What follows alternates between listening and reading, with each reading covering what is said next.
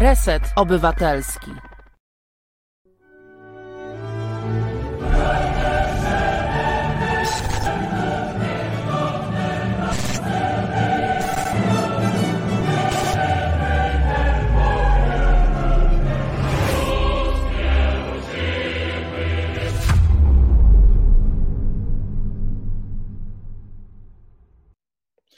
Dobry wieczór Państwu. Bez wyjścia wyjątkowe z racji wyjątkowych okoliczności, w jakich e, się znajdujemy.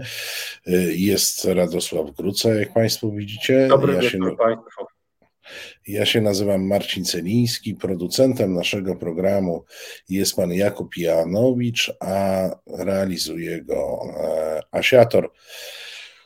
Proszę Państwa, na tym klipie z hymnem Ukrainy my dzisiaj każdy program zaczynamy hymnem Ukrainy w wyrazie solidarności e, z tymi, którzy dziś stawiają opór e, Putinowi. E, w tym klipie do tego programu wmontowaliśmy zdjęcia mniej więcej sprzed godziny, może półtorej godziny, spod ambasady rosyjskiej w Warszawie, gdzie w zasadzie od rana jest demonstracja. Miały być dwie demonstracje, ale zrobiła się jedna, która jest nieustająca. E, zanim przejdziemy do samego programu, demonstruje także w tym momencie Kraków, a w Krakowie jest Jan Binczycki. Dobry wieczór, Janku. Dobry wieczór. E, jestem na Placu Biskupim w Krakowie. Czy mnie słychać? Słychać Cię bardzo dobrze. Okej. Okay. Jestem na Placu Biskupim w Krakowie, gdzie mieści się konsulat Federacji Rosyjskiej. Tutaj protesty trwają już od godziny 15. W Krakowie też zabrzmiał dzwon Bolesław w południe. E, ten dzwon od średniowiecza ma tradycję, dzwoni na alarm. I mieszkańcy, mieszkanki Krakowa tłumnie zjawili się tutaj pod e, konsulatem, dlatego że Kraków ma z Ukrainą wielowiekowe kontakty, tradycje, dużą diasporę, był ośrodkiem życia kulturalnego, politycznego Ukrainy e, od początków XX e, wieku, a po 1989 roku samorządy Krakowa, województwa małopolskiego i Ukrainy łączą, part, łączy partnerska współpraca. Także mamy współpracę z Lwowem, Kijowem, to nasze miasta partnerskie, w Krakowie obecnie mieszka około 100 tysięcy osób e, pochodzenia ukraińskiego.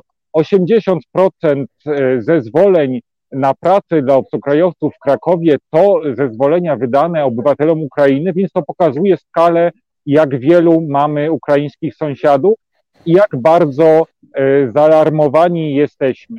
Tutaj mam informację dla resetarianek, resetarian z Krakowa, którzy chcieliby wesprzeć nie tylko moralnie, ale również czynem, również e, e, e rzeczowo e, Lwów i Kijów.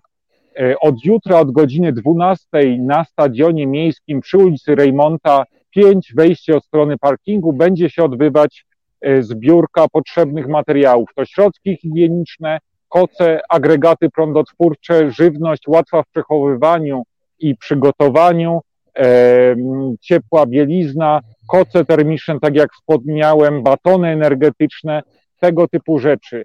A dla osób z Ukrainy mieszkających w Krakowie, które potrzebują wsparcia psychologicznego, takie wsparcie zapewnia Ośrodek Interwencji Kryzysowej.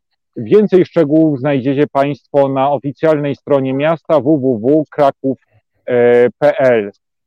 Tak jak wspominałem, od 15 trwa tutaj protest ale e, spontaniczny, główna demonstracja od 19. Ludzie pojawiają się naprawdę tłumnie. Może spróbuję to pokazać jakoś jako taką panoramę. Ten budynek, pod którym e, migają światła, to konsulat e, Federacji Rosyjskiej, który był świadkiem już wielu demonstracji przeciwko agresji w Czeczenii i ludobójstwu tam, przeciwko represjom politycznym, przeciwko wywoływaniu niepokojów i e, akcjom e, wysyłanych przez Kreml separatystów na Ukrainie. Dzisiaj Kraków staje solidarnie z sąsiadami przeciwko wojnie. Janku, bardzo Ci dziękujemy za tę e, relację. Ja mogę, proszę Państwa, ze swojej strony zapewnić, że wszystkie te inicjatywy pomocowe będziemy starali się publikować i na naszej stronie internetowej, e, i na profilach w mediach społecznościowych. Postaramy się także zebrać to w jakąś listę, żeby każdy z Państwa mógł e, znaleźć e, punkt w swoim mieście, e, w którym będzie mógł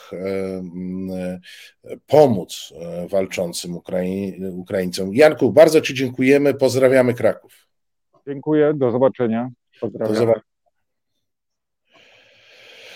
Proszę Państwa, trudno dzisiaj mm, mówić o czymkolwiek e, innym niż e, agresja Putina na Ukrainę, stąd i my zmieniliśmy plany e, naszego programu na dzisiaj. Mam nadzieję, że w sposób absolutnie uzasadniony i że nam to Państwo wybaczycie. Radku, co nas czeka? Dzisiaj porozmawiamy najpierw z Markiem Meissnerem, który specjalnie dla Państwa śledził wydarzenia od e, szczerego świtu i opowie nam najpierw o tym, co się dzieje, jeśli chodzi o kwestie militarne. E, wspomnimy na pewno o tym, jak reaguje Unia Europejska, szczególnie o jednym wystąpieniu Ursuli von der Leyen razem z Jensem Stoltenbergiem będę Państwu opowiadał, e, a e, później mm, rozmowa z profesorem Tadeuszem Iwińskim, który mm, był w przeszłości wiceministrem spraw zagranicznych, związany z lewicą polityk. E, myślę, że jego opinie będą dla Państwa bardzo cennymi, e, cennym spojrzeniem e, na to, co się dzieje w szerszym kontekście, nie tylko jeśli chodzi o kwestię wschodnią. Proszę Państwa, ja także dzisiaj może część z Państwa zauważyła, e, z ogromnym szacunkiem to odnotowuję, protesty przeciwko wojnie e, Putino-ukraińskiej, napaści Putina na Ukrainę są na całym świecie, ale także w Moskwie, gdzie widziałem nagrania z zupełnie e, e, licznych e, demonstracji, mimo obwieszczeń władzy, że sprzeciwianie się tej wojnie jest, będzie traktowane jak zdrada stanu. Mimo tego znaleźli się odważni Rosjanie, którzy protestują w centrum Moskwy, ryzykując, przecież wiemy, że tam to jest ryzyko poważnych sankcji. Wielki szacunek e, dla tych Rosjan i e, także przesłanka dla nas, żebyśmy pamiętali, że wojny wywoływane przez dyktatorów nie zawsze są wojnami e, ich narodów. To jest napaść Putina na Ukrainę, a w Rosji są tacy, ich jest większość oczywiście, którzy Putina popierają, ale także tacy, którzy e, chcą pokojowego współistnienia, którzy e, nie chcą Rosji jako dyżurnego agresora w tej części Europy i świata. Cóż tutaj dodać? Na pewno, drodzy Państwo, e, bardzo powinna nas wszystkich cieszyć e, solidarność, jaka też płynie e, również od Państwa w stosunku do Ukraińców. Tutaj można pochwalić kilku operatorów. Widziałem, że T-Mobile daje darmowe minuty Ukraińcom i gigabajty, żeby mogli się kontaktować z rodzinami. Dodatkowo no, już Polska idzie śladem Brytyjczyków, e, którzy mm, zawiesili nadawanie Russia Today. Mm, Orange na pewno za, wyłączył po prostu rosyjską telewizję. Dużo się dzieje, ale serca polskie biją dzisiaj razem z ukraińskimi i zdecydowanie solidarność nasza płynie do naszych sąsiadów, co bardzo powinno moim zdaniem nas wszystkich cieszyć. Pani, pani Anna nam dopowiada, że Play także e, włączył się, jak rozumiem, w tę akcję. Rozkręca się w mediach społecznościowych akcja proponująca bojkot konsumencki e, towarów rosyjskich. Nie jest ich w Polsce mm, dużo. Rosja nie jest wytwórcą wielu dóbr przetworzonych. Natomiast bojkoty konsumenckie w Polsce nie wychodzą. Wydaje mi się, że to jest czas, żeby pierwszy wyszedł, żeby e, pierwszy, mm, żeby pierwszy bojkot udany dotyczył dokładnie e, agresora, e, z którym, z którym w tej chwili Ukraińcy się wspierają. Widziałem komunikat Krajowej Rady Radiofonii, która ma trudno powiedzieć, czy to jest dokonane, czy zapowiedź. 11 kanałów rosyjskich ma zniknąć z listy dopuszczonych do e, nadawania w sieciach kablowych e, i e, satelitarnych, więc to są, to są ruchy, jakich należałoby oczekiwać. To oczywiście są mikroruchy. Na duże ruchy czekamy na e, wystąpienie Joe Bidena, bo ono będzie decydujące i określi e, skalę e, sankcji. A tak, i tu Państwo jeszcze podpowiadają o rozgrywkach piłkarskich, to znaczy federacje szwedzka, polska, nie jestem pewien, czy na pewno litewska, na pewno Szwedzka i Polska złożyły e, stanowisko e, FIFA, stwierdzając, że nie będą uczestniczyły w barażach do Mistrzostw Świata na terenie Federacji e, Rosyjskiej. To jest bardzo ważne, bo jeszcze chyba wczoraj czy przedwczoraj były prezes PZPN Zbigniew Boniek stracił okazję, żeby pomilczeć i mm, wygłosił jeden z debilniejszych e, tekstów, jakie można e, wygłosić, a mianowicie piękną przemowę o niemieszaniu sportu do e, polityki. Szansą na niemieszanie sportu z polityką jest to, czeska, o właśnie, Państwo podpowiadają czeska, szansą na to, że sport nie był zamieszany mm, w politykę jest to, żeby nie wspierać satrapów wydarzeniami sportowymi.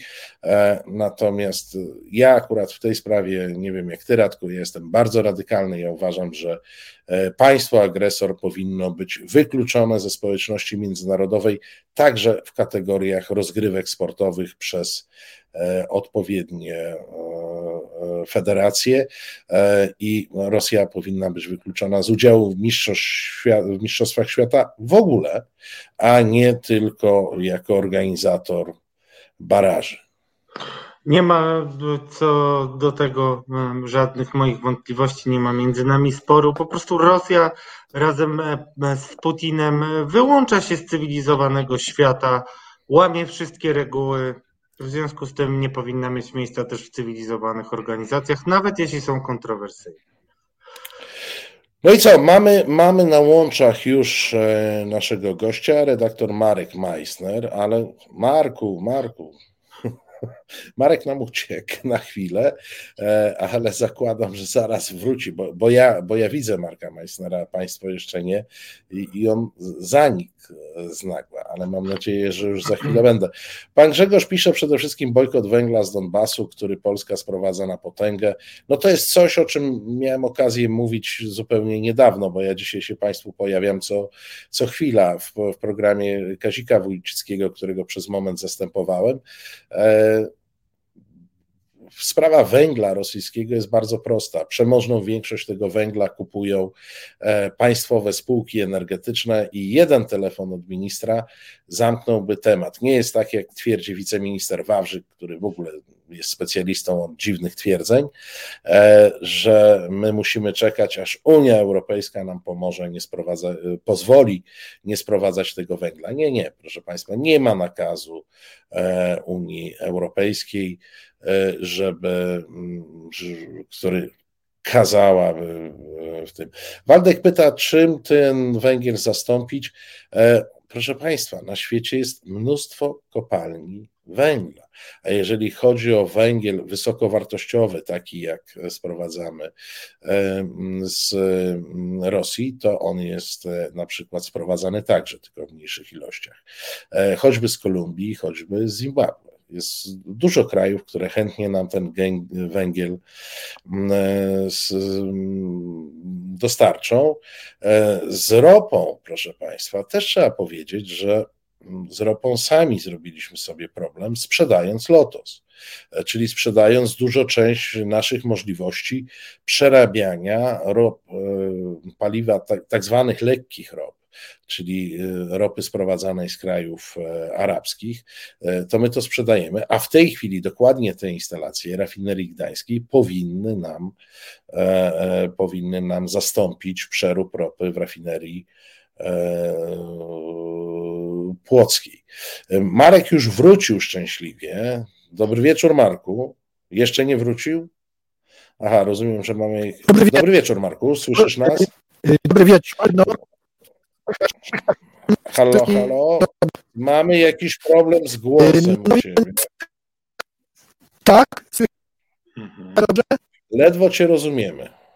Brzmisz, jakbyś miał na łączach Pegasusa, który za dużo miejsca pamięci roboczej zajmuje. Hallo, hallo. To wiem, że jestem w tej chwili na Marku, nie, nie, ja tak, za, za, nie, zaproponuję tak, e, Asiator, spróbuj przepracować e, kwestię tego łączenia, bo, bo chyba jest jakiś, e, chyba jest jakiś problem. Mm, e, więc e, w przypadku ropy to my mamy dosyć duże możliwości zastąpienia ropy rosyjskiej. Jakkolwiek nie będę twierdził, że one są bezbolesne. Gorzej jest z gazem, bo gazoport, ten, którym chwali się PiS, a decyzję o budowie którego podjęła Platforma, ten gazoport no nie jest w stanie przepompować, bo to przede wszystkim na tym polega, e, takiej ilości e, gazu, jaka jest nam e, potrzebna. I tu jest duży problem, a nie w pełni mamy zapewniony i Europa Zachodnia także przesył z gazowych norweskich, to znaczy tam nie ma jeszcze takich mocy przesyłowych. Natomiast, proszę Państwa, możemy sobie rozmawiać na różne tematy e, i e, być pisowcami i być imposybilistami, którzy będą mówić, że się mm, nie da, tylko że zważcie, że zagrożenia, jakie przed nami stoją, zagrożenie utraty suwerenności, bo e, pokonanie przez Rosję Ukrainy bezpośrednio zagraża naszej suwerenności, są naprawdę dużo większe od problemów, e, jakie możemy sobie stworzyć na przykład chwilowymi niedoborami e, gazu. E, I mm, także uwaga do wszystkich, którzy mm, chcą koniecznie jeszcze walczyć o demokrację, mówiąc, że Ukraina jest nieważna. Pod Putinem o demokrację będzie się walczyło dużo gorzej. To na pewno y, ja zwracam też Państwa uwagę na, na trochę smutną okoliczność. Y, premier Morawiecki na briefingu przed wylotem do Brukseli niestety nie porzucił y, swojej takiej polonocentrycznej wizji świata i przekonuje swoich wyborców prawdopodobnie tylko, że już w listopadzie, już w grudniu odbyłem szereg rozmów z liderami przywódcami całego świata zachodniego. Mówiłem o tym, że wojska się zbierają, zbierają się nie bez przyczyny, po to, żeby zaatakować naszego sąsiada. Dzisiaj czas ogólników i gadania musi się skończyć. Reasumując, drodzy Państwo, no, Mateusz Morawiecki jedzie po setkę, znaczy po takie zdjęcia z liderami Unii, po których Jacek Kurski e, w telewizji znanej dla niepoznaki publiczną ogłosi, że to Polska była motorem. Wczoraj premier mówił, że Unia mówi polskim głosem. No. E, nie, no pan premier zapomniał dodać, że on się dowiedział o tym, że wojska się zbierają z amerykańskich mediów. No to jest w ogóle e, sposób paplania i bredzenia tego człowieka nawet mnie, człowieka dosyć spokojnego, wyprowadza e, z równowagi. E, I bardzo bym chciał, żeby pan premier Morawiecki e, rozpoczął proces przechodzenia do czynów od siebie, bo on znowu pojedzie i powie, że Unia czegoś nie chce. Niech wykona ten telefon, przepraszam, sześć telefonów do sześciu spółek energetycznych, które sprowadzają 80% rosyjskiego E, węgla e, do Polski. To jest tylko sześć telefonów, panie premierze. E, nie będzie z tego sweet foci, którą Kurski pokaże, ale możecie to ograć jako polityczne złoto. Sześć telefonów do sześciu prezesów.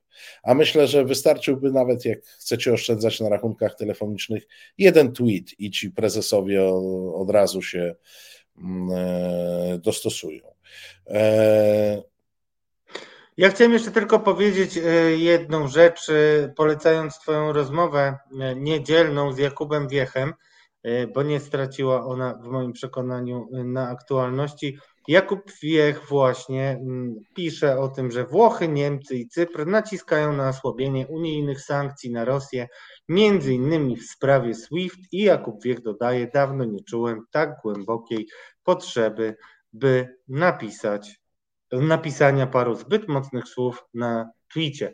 Ja tylko dodam, że y, Reuters, bo to mm, z tego co pamiętam, Reuters podaje tę informację, wymienia oczywiście Węgry w tym wszystkim, a postawa Węgier to już zupełnie osobna historia.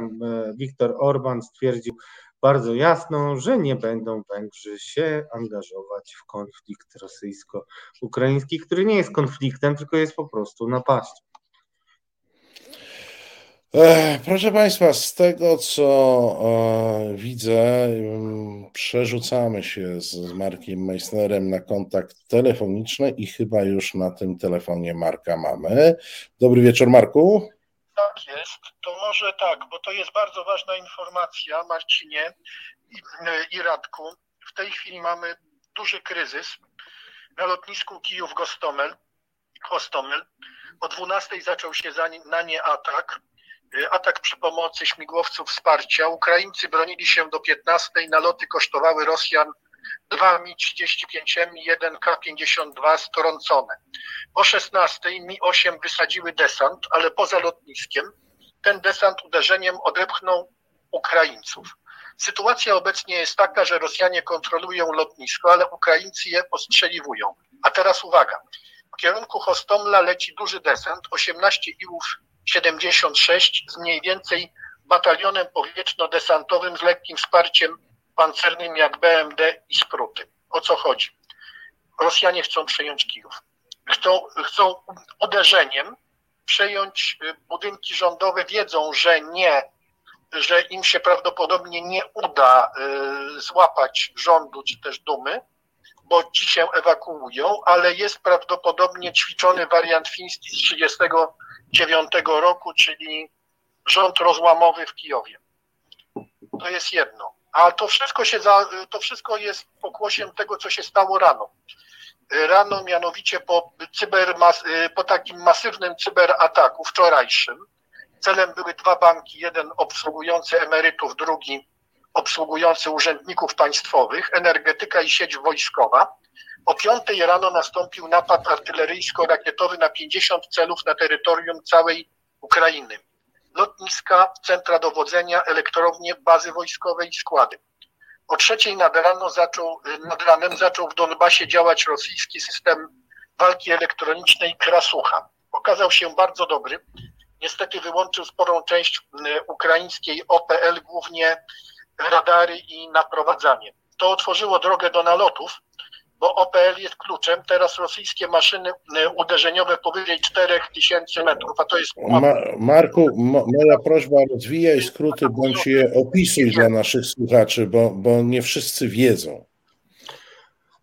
KA-52 to rosyjski y, śmigłowiec aligator, mogę Państwu powiedzieć.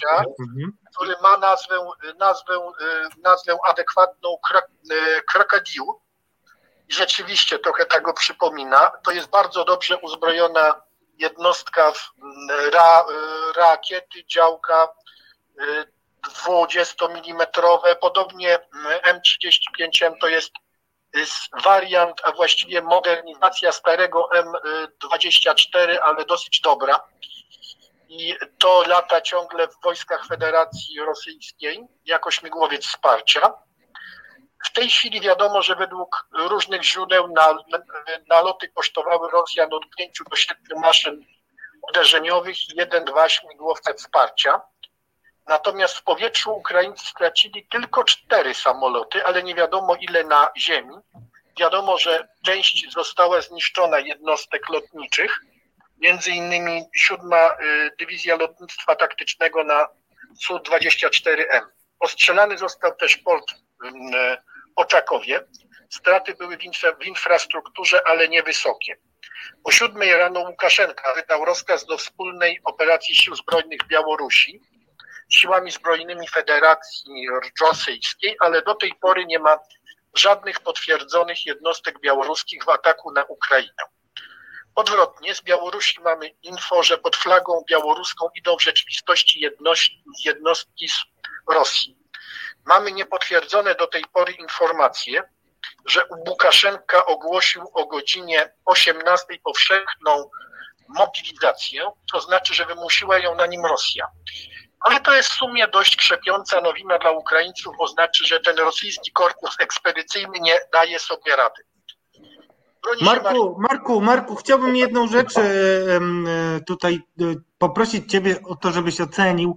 Newsweek amerykański cytuje byłego wysokiego rangą oficera wywiadu, który mówi o tym, że kluczowe będą pierwsze 24 godziny, to po pierwsze, a drugie, co już mniej optymistyczne, że Kijów padnie w ciągu tygodnia. Czy jest jakakolwiek szansa, żeby e, ukraińskie wojska, patrząc na te pierwsze godziny, oczywiście one mogą być mylne, ale no ty jesteś takim entuzjastą e, wojskowości, że damy ci szansę też e, się wykazać, czy twoje przewidywania będą trafne? Czy, czy widzisz jakąkolwiek szansę i czy eksperci widzą jakąkolwiek szansę, żeby Ukraińcy zatrzymali ten rosyjski atak? Włamanie jest tylko jedno i to jest od południa na 60 kilometrów. Na pozostałych teatrach operacyjnych mamy włamania po 6, po 7 kilometrów. To właśnie to, że oni próbują desantem zająć Kijów już znaczy, że nie mogą za bardzo liczyć na to, że dojdą do niego bardzo szybko od strony od y, a, y, atakiem wojsk lądowych od północy. Czyli tutaj, tutaj jest operacja desantowa w celu osiągnięcia celu politycznego, czysto. Natomiast no, jeżeli Ukraińcy tam zastawią pułapki przeciwlotnicze, to tam może być rzeź. No ale no, Mhm. Ale na przykład jeszcze jedną rzecz powiedz, bo to bardzo wpływa na wyobraźnię masową. Mianowicie chodzi o Czarnobyl. Dochodzą informacje o tym, że rosyjskie wojska zajęły mm, elektrownię e, w Czarnobylu. No to brzmi o tyle groźnie, że, że rzeczywiście e, no, każdy sobie wyobraża, do czego to może doprowadzić, szczególnie gdy mamy do czynienia z szaleńczym atakiem Putina. Marku, czy to jest e, dlatego że, dlatego, że wiatr jest, prognozy pogody wskazują, że wiatr jest z zachodu na wschód. To znaczy, gdyby ktoś wpadł na tak szalony pomysł, żeby rozwalić sarkofag czernobylski, no to popłynie na Rosję. No tak, ale wiatry mogą się zmienić. Natomiast powiedz generalnie e, o szansach o, o szansach, bo y, Czarnobyl to jest sarkofag, natomiast Ukraina to jest 11 elektrowni jądrowych, które mogą być y, celem Rosjan.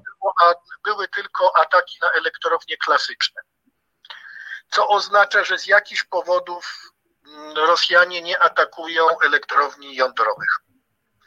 Do tej pory były ataki tylko na ciepłownie i elektrownie klasyczne zasilane gazem. Z jakichś powodów jednak te elektrownie nie są atakowane. Czy Kijów mógłby paść, paść w tydzień? Tak, mógłby, pod warunkiem, że obrona ukraińska się całkowicie załamie. No w tej chwili tego nie widać.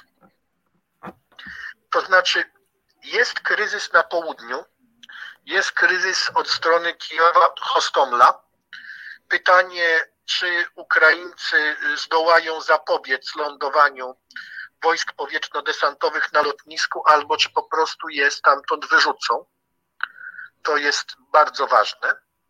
No i ważne, czy wyłom od południa, który sięga 60 kilometrów się powiększy, czy nie, a to jest największy wyłom. Tam, tam Ukraińcy zostali zaskoczeni. Natomiast gdzie indziej się bronią bardzo, bardzo dobrze, inteligentnie i z sukcesami. Między innymi pod Chliwnym, y, pod Charkowem Rosjanie stracili całą kompanię czołgów. No właśnie też chciałem Cię spytać, Marku, y, jakbyś mógł odnieść się do słów, które y, mm, padają z, z, mm, z ust generała Jarosława Strożyka, który mówi o tym, że to już jest zupełnie inna armia niż 7 lat, niż 8 lat temu. Armia ukraińska. Tak, armia ukraińska, że to są nowa generacja dowódców, sprzęt dużo bardziej zmodernizowany niż to było w 2014 roku. E, czy są jakieś przejawy tej nowej generacji? Czy, bo mówisz, że Ukraińcy bronią się dzielnie i też mówisz o tych przełamaniach. Rozumiem, że chodzi ci o przełamania e, w linii frontu, tam tej linii, która jest broniona przez ukraińskie wojska, tak? Myślę, że tak, w tej nowej wojnie nie ma linii frontu. Y, y, tam, tam y, można powiedzieć, że teren został przejęty, jeżeli tam są wojska rosyjskie albo ukraińskie.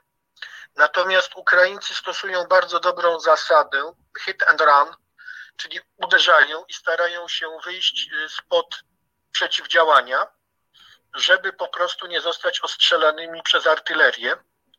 Bardzo w tej chwili, w tej chwili siły ukraińskie są o dużej siłami, o dużej mobilności. Myślę, że pomogły im ostatnie dostawy sprzętu, zwłaszcza granatników przeciwpancernych sami też mają dobre, więc widać wyraźnie, że ta armia jakoś tam z trudem, ale sobie radzi.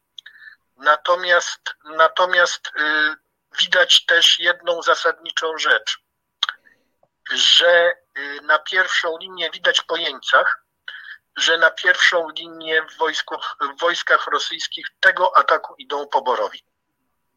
I za nimi dopiero idą wykwalifikowani kontraktowi i y, prawdopodobnie wojska specjalne, aczkolwiek nie widać żadnych wydzielonych oddziałów, czyli to może być rozpoznanie, to mogą być powietrzno-desantowe, to mogą być specjalne. I dopiero one, jeżeli sobie, jeżeli sobie ci poborowi nie poradzą, dopiero one wtedy wchodzą do, do akcji. Także dalej jest ta zasada, że mm, mięso armatnie jest tanie. No Marku, czekaj, ale Marek, Marek, y, Radku, jak pozwolisz, ja też się włączę. E, e, Marku, ale przecież e, tę zasadę stosowali Rosjanie w I wojnie czeczeńskiej i po doświadczeniach z I wojny czeczeńskiej, którą przegrali, no, wycofywali się z zasady wysyłania poborowych tak, przodem. W 2008 w Gruzji już walczyli kontraktowi i walczyli bardzo dobrze. Ale tu jest ciekawa sprawa, bo ilekroć tutaj Ukraińcy złapią jeńców, to okazuje się, że to są poborowi. A ponieważ oni walczą z pierwszą linią tego ataku, to widać, że to jednak poborowi są na pierwszej linii. Czyli, czyli coś, czyli wysłano na rozpoznanie bojem żołnierzy słabo wyszkolonych, a za nimi idą fachowcy. A co to może oznaczać, Marku? Dlaczego tak może być? Poza tym, że oczywiście jest to stara zasada no, mięsa armatniego, tak? Dla atakujących, ale to również znaczy dla Rosjan, że będą próbowali, będą próbowali szukać słabych punktów ukraińskiej e, obronie i ją przełamać. Tam, gdzie Ukraińcy mają jakieś dziury, no nie mogą kontrolować całego frontu. Stara zasada wojskowa mówi, że nie można być silnym wszędzie. Można być silnym tylko w tych najważniejszych punktach. To Niemcy nazywają Schwerpunkt, czyli główny punkt obrony, ale także punkt y, ataku. Ja myślę, że w tej chwili, w tej chwili to, co widzimy, to jest bez wątpienia jest to atak pełnoskalowy, ale również atak, który dopiero ma określić słabe punkty obrony ukraińskiej i uderzać tam, gdzie jednostki pierwszego rzutu sobie dają dobrze radę rosyjskiego. Marek, a gdybyś miał na bazie tego, co wiemy o punktach uderzenia, o kierunkach e, natarcia, prorokować czy przewidywać, e, jaki jest cel pierwszy, drugi i trzeci E, Putina, bo mm, mamy uderzenia na terenie całej Ukrainy. Zbombardowane jest, e, e, zbombardowane jest lotnisko w Łucku, które jest raptem kilkadziesiąt kilometrów od polskiej granicy, więc już bardziej, chyba najdalej na zachód wysunięte lotnisko Ukrainy. Więc tutaj uderzenia idą w infrastrukturę na całym obszarze. Być może chodzi o zastraszenie, być może chodzi o to, żeby cała Ukraina poczuła, że jest w stanie wojny, ale być może też Putin projektuje zajęcie całego obszaru Ukrainy. Nie. Nie, tutaj po prostu idą ataki na bazy, głównie na bazy lotnicze, po to, żeby nikt nie przeszkodził jego samolotom uderzeniowym działać nad frontem. I właściwie tutaj też bardzo chodzi o śmigłowce uzbrojone, które wobec y, maszyn myśliwskich są kompletnie bezradne, chyba że mają własną osłonę z y, myśliwców. A jak można wyeliminować siły wroga, y, wroga siły myśliwskie? No, zniszczyć jego bazy, jakiekolwiek by one nie były i gdziekolwiek by one nie były. Także te ataki układają się w pewien wzór zniszczenia infrastruktury po to, żeby nie mogły działać siły powietrzne ukraińskie, ale też, żeby jak najbardziej zniszczyć bazy, logistykę, zaopatrzenie. Natomiast gdybym miał się pokusić o cele, maksymalne rozszerzenie DRN i LRN, czyli jak to mówią Ukraińcy, Donbabwe i y, Łogandy. Czyli to są te republiki, bo znowu tak, użyłeś skrótów, to ja tłumaczę. Tak. Zajęcie całego Zadnieprza. To moim zdaniem byłby cel taki maksymalny.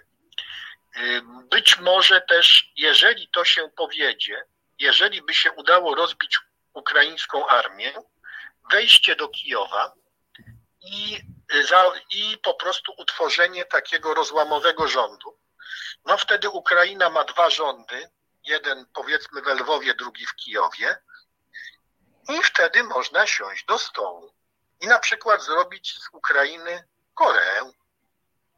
Ale to już jest cel ponadmaksymalny. Moim zdaniem, moim zdaniem tutaj chodzi przede wszystkim o zajęcie jak największego obszaru, głównie no, całego Zadnieprza. I też tam jest jedna istotna sprawa. Tam jest ulokowana główna część przemysłu ukraińskiego. Zajęcie Zadnieprza oznaczałoby, nawet jeżeli się Rosjanie nie posuną dalej, że w tym momencie ta Ukraina zachodnia zostaje jako taka no, skadłubowa, praktycznie bez przemysłu, y, ogłodzona i zniszczona. No i wtedy Rosjanie siadają i mówią, no dobrze, no to teraz w Zachodzie wy sobie weźcie tą Ukrainę zachodnią na utrzymanie. Bo tak by to wyglądało. Tyle tylko, że ta wojna będzie kosztowała też Rosję. Im bardziej i więcej od tego obszaru oni będą przyłączali, tym większe będą koszty utrzymania go potem. Także moim zdaniem, jak, jakkolwiek by w tym mo momencie któregokolwiek obszaru by Rosja nie, nie chciała przejąć, to to zwycięstwo na dłuższą metę będzie zwycięstwem pyrrusowym. No cóż. E, natomiast powiedz jeszcze, bo jak powiedzieliśmy na początku, że stan sił zbrojnych ukraińskich jest lepszy niż był w 2014, ale jak mają się potencjały e, obu stron e, do siebie? No, gdybyśmy liczyli, no to mamy w tej chwili 200 tysięcy wojsk rosyjskich do 120 tysięcy Ukraińców, z rezerwami i ATO maksymalnie mogą osiągnąć ten sam poziom co Rosjanie. Tyle tylko, że mm, to nie jest to samo. Dlatego, że jednak wojska rosyjskie mają zdecydowanie więcej techniki. Tutaj zdecydowanie więcej jest mm, nowocześniejszego sprzętu. Oczywiście przewaga jest po stronie Rosjan, ale z drugiej strony pamiętajmy, że to Ukraińcy są u siebie i jak e, dowodziło, dowodziła historia obrony lotniska w Doniecku, to możemy się spotkać z różnymi niespodziankami. Tym bardziej, że oprócz wojsk regularnych będą ATO i one już są, walczą pod Mariupolem i pod tym Mariupolem sobie doskonale dają radę i to z siłami rosyjskimi re, y, y, regularnymi. Rosjanie nie mogą ani ich przełamać, ani obejść. Przy czym oczywiście pojawiły się w rosyjskim internecie informacje, że to broni się faszystowski batalion Azow. Tak. No i tutaj ciekawa sprawa. Znowu się pojawiają informacje po stronie rosyjskiej o najemnikach z Polski, Ameryki oraz Niemiec. Przy czym y, to są ciekawe informacje, bo podobno y, y, widziano nawet czarnych. To znaczy? Sprecyzuj, sprecyzuj, bo nie każdy może to rozumieć, Marku. Czarnych, czyli? Czyli oczywiście, że to są najemnicy z Ameryki Murzyni. Tak. To miałeś na myśli. No, tak. Marku, bardzo Ci dziękujemy za te wyjaśnienia i porcję fachowej wiedzy, jaką nam przekazałeś. E, dobrze, że pokonaliśmy problemy e, techniczne i udało nam tak, się pogadać. Jedną rzecz. Y, ważne, najważniejsze będzie następne 48-56 godzin. Na pewno będziemy to, na pewno będziemy to śledzić i na pewno będziemy prosić także Ciebie o komentarz. Marku, dobrego wieczoru, bardzo Ci dziękujemy. Dziękuję bardzo, również wszystkim widzom i Wam. Kłaniamy się nisko. Proszę Państwa, a teraz sobie damy chwilę mm, oddechu. Bardzo prosimy Asiu o kawałek muzyki. To jest Reset Obywatelski. Tworzymy go razem. Dołącz do nas na YouTube, Facebooku i Twitterze. Bez wyjścia kontynuujemy e, nasz program. Proszę Państwa, trwa e, przemówienie mm, Joe Bidena. E, z tego, co słyszę, mm, sankcje obejmą dwa największe banki rosyjskie. Sankcje obejmą także listę kilkudziesięciu spółek rosyjskich, które są odpowiedzialne, jak mówi e, Joe Biden, za połowę rosyjskiego importu. Sankcje mają być e, celowane w sektory związane mm, z nowymi technologiami i mm, sektory, które E, e, które skupiają się na zaopatrzeniu wojska i modernizacji e, wojska. Jak na razie nie słyszałem o systemie SWIFT. Jakkolwiek Biden zaczął swoje przemówienie od mówienia o tym, że sankcje będą ukierunkowane na wykluczenie Rosji z obrotu gospodarczego, z normalnego obrotu e, gospodarczego i walutowego. E, Biden e, twierdził także, że zauważył spadek wartości rubla, który dzisiaj ma historycznie najniższe notowania w całej swojej historii waluty notowanej i mm, e, wymienianej. E, no i Biden stwierdził, że, nie je, nie je, że Amerykanie nie jadą do Europy walczyć na Ukrainie, ale bronić sojuszników z NATO. No, czyli powiedział to, co wiemy, że bezpośredniego zaangażowania amerykańskiego na Ukrainie nie będzie, a wojska relokowane na wschodnią flankę NATO, będą służyć do zabezpieczenia krajów tej flanki, krajów graniczących z Rosją.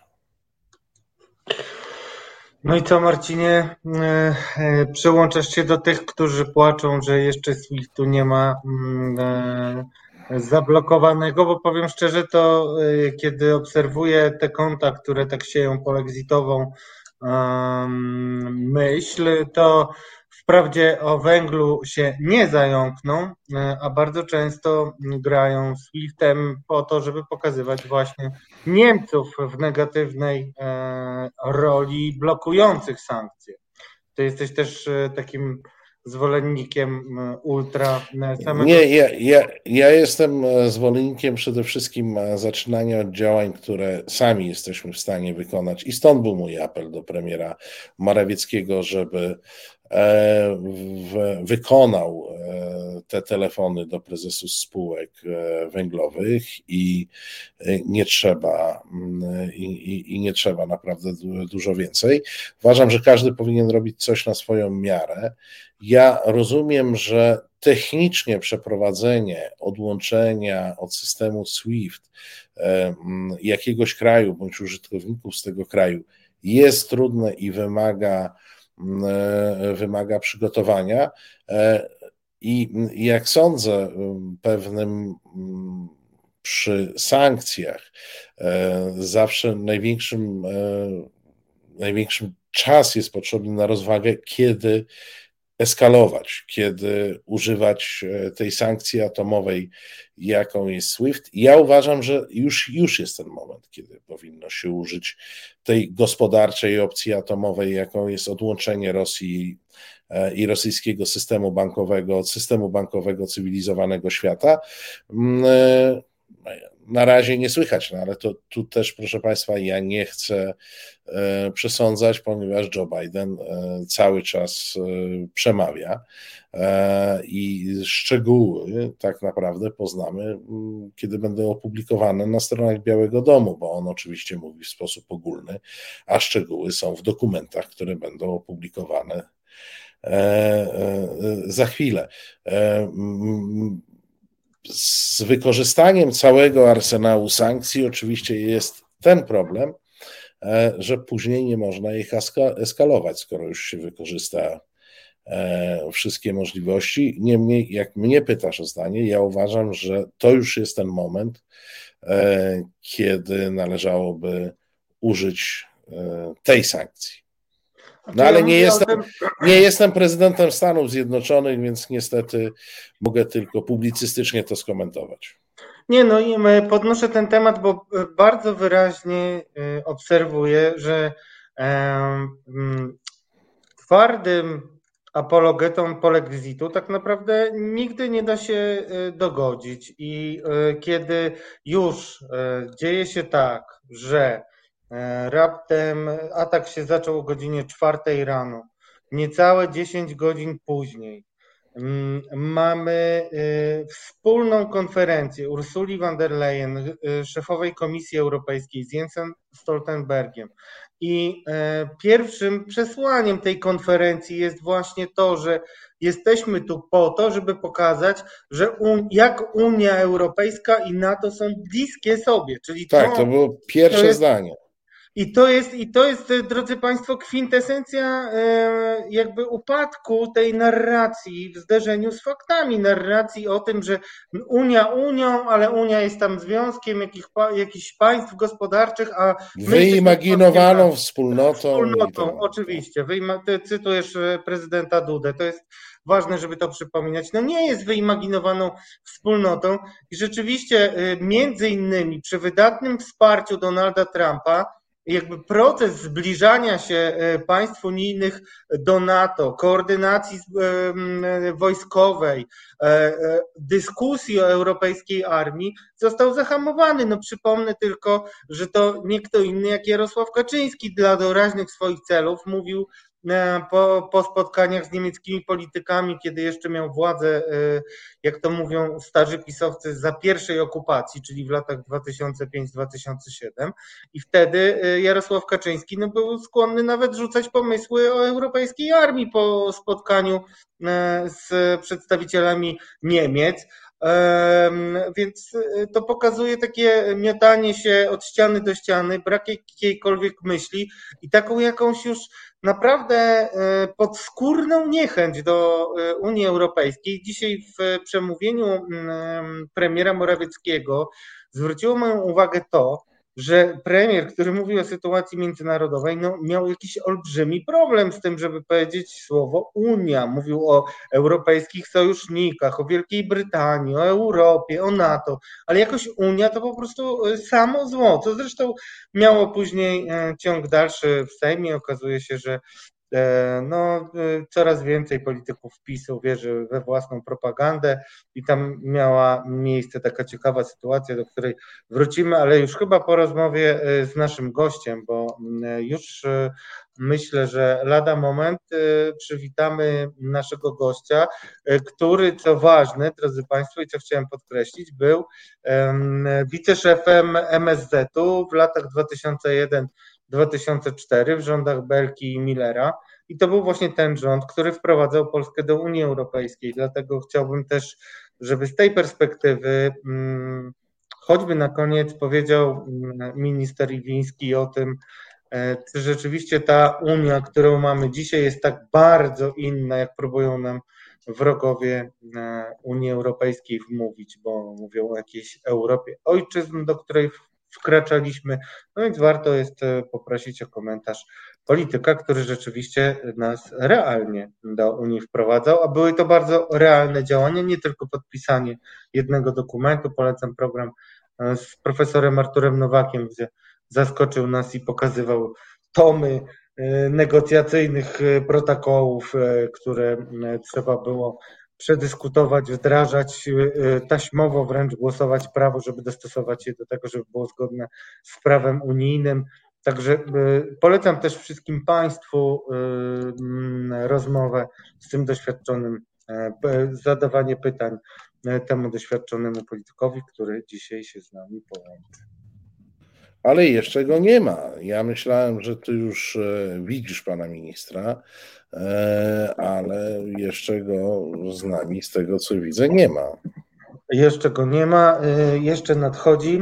E, w związku z tym może rzeczywiście powiem Państwu o tym, co się wydarzyło w Sejmie, bo ta alergia miała na Unię, alergia na Unię Europejską miała bardzo, mm, bardzo wyraźną, bardzo wyraźne swoje no przedstawienie, to było taka mm, przedstawienie pod tytułem Mamy alergię na Unię i sprowokował do tego przedstawienia Borys Budka, e, który, to było krytykowane, ciekaw jestem co Państwo na ten temat myślą, e, wyszedł e, na mównicę i mówił, że oczywiście potrzebujemy teraz wygaszenia wszystkich sporów i przy tej okazji powiedział, że Rosja różni się tym od Polski, tym, Rosji, tym od Zachodu, że ma, mm, nie ma tam wolnych sądów.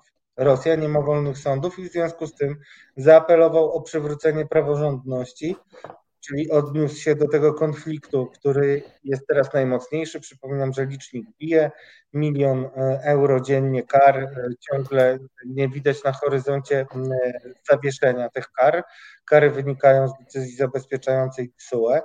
E, no i nasz rząd razem z politykami partii rządzącej i przyległościami bardzo wyraźnie liczy na to, że fakt wybuchu wojny na wschodzie spowoduje, że Unia Europejska, jak to mówi e, PiS, a tak naprawdę e, Komisja Europejska, odblokuje e, w tej wojennej atmosferze mm, w tej wojennej atmosferze odblokuje nam środki z KPO. Przypominam, że na nie czekamy już no, cały rok się nie doczekaliśmy.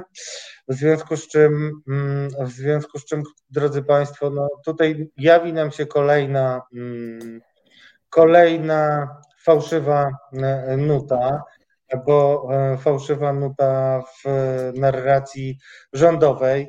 Brzmi mniej więcej tak, że tutaj spowolnienie wszystkich procesów, które mm, na, w ramach Unii teraz właśnie zachodzą dotyczące uzgodnienia sankcji, no jest wynikiem e, proputinowskiej Rosji. Niektórzy wręcz pisali przed samym atakiem, że jest tutaj sojusz jakiś rosyjsko-niemiecki i bardzo trudno jest im mm, znaleźć narrację na to, co się dzieje teraz e, z Nord Streamem. Ale tu trzeba coś powiedzieć, bo tu pan Bartka mówi, że właśnie prezydent Duda przemawia, a ja panu, panie Bartkam powiem, że nas to kompletnie nie interesuje, bo ten człowiek nie ma nic do powiedzenia i co by nie powiedział, w dodatku nie będzie to miało żadnego znaczenia. E, I nie dlatego, że ja go jakoś tam nie lubił, choć on się nie daje lubić. E, natomiast po prostu e, on raz jest prezydentem kraju nie liczącego się w tej chwili w świecie, dwa jest prezydentem kraju, który nie jest faktyczną głową państwa, tylko człowiekiem, który czasami przytrzyma E, mikrofon, a czasami poda płaszcz e, faktycznemu e, władcy. Natomiast do tego, co Radek mówi, to zobaczcie Państwo, że przecież tym wszystkim, wszystkim gdyby ich działanie wynikało z refleksji, wynikało z przemyśleń, to powinien się w tej chwili sufit na głowę zawalić. Ich największa nadzieja, Donald Trump, e, który e, miał tutaj, tak, prawda, Ford Trump miał budować i tak dalej, mówi, że Putin to jest w ogóle geniusz i ma bardzo sprytne e, zagrania. Ich cała narracja antyniemiecka spadła. Ich cała narracja samodzielnej polityki przestała istnieć, bo oni w tej chwili przecież co drugie, Morawiecki nie mówi Unia, ale jak patrzysz na publicystykę e, prawicową, bądź jak e, patrzysz na mm, e, wystąpienia innych polityków, to oni ciągle mówią, Unia nam musi dać, Unia nam może coś zrobić i tak dalej. W związku z czym cała ich narracja, drodzy Państwo, padła, a oni się nadal jej trzymają. To te wnioski, jakie można wyciągnąć z obecnego kryzysu, są oczywiste. Musimy się kurczowo trzymać NATO. Musimy e, być liderami integracji europejskiej. Powinniśmy dążyć za wszelką cenę do tego, żeby e, Unia Europejska stworzyła własną siłę zbrojną, zdolną do reakcji, takie siły szybkiego e, reagowania to jest wszystko w naszym interesie narodowym. E, I to, co PiS powinien w tej chwili zrobić, ja w dzisiaj opublikowanym na resecie tekście o tym piszę. Jeżeli w PiSie są jacyś patrioci, są jacyś ludzie, e, którym zależy na Polsce, i na interesach e, Polek i Polaków, to pierwsze, co powinni zrobić, to wygasić tę idiotyczną antyniemiecką histerię, którą rozpętuje Kurski i spokrewnione media, wygasić e, e, za wszelką cenę wszystkie konflikty, jakie mamy z Unią z Unią Europejską i pracować nad wzmocnieniem i przywracaniem wiarygodności i jednocześnie wyciągnąć rękę do opozycji, bo bez względu na to, kto rządzi, to z żadnym zagrożeniem e, nie poradzi sobie rząd, jeżeli ma przeciwko sobie połowę Polaków. E, PiS ma przeciwko sobie połowę Polaków i powinien zrobić wszystko, żeby zawrzeć jakikolwiek zawieszenie broni. E, bo, bo sytuacja jest nadzwyczajna.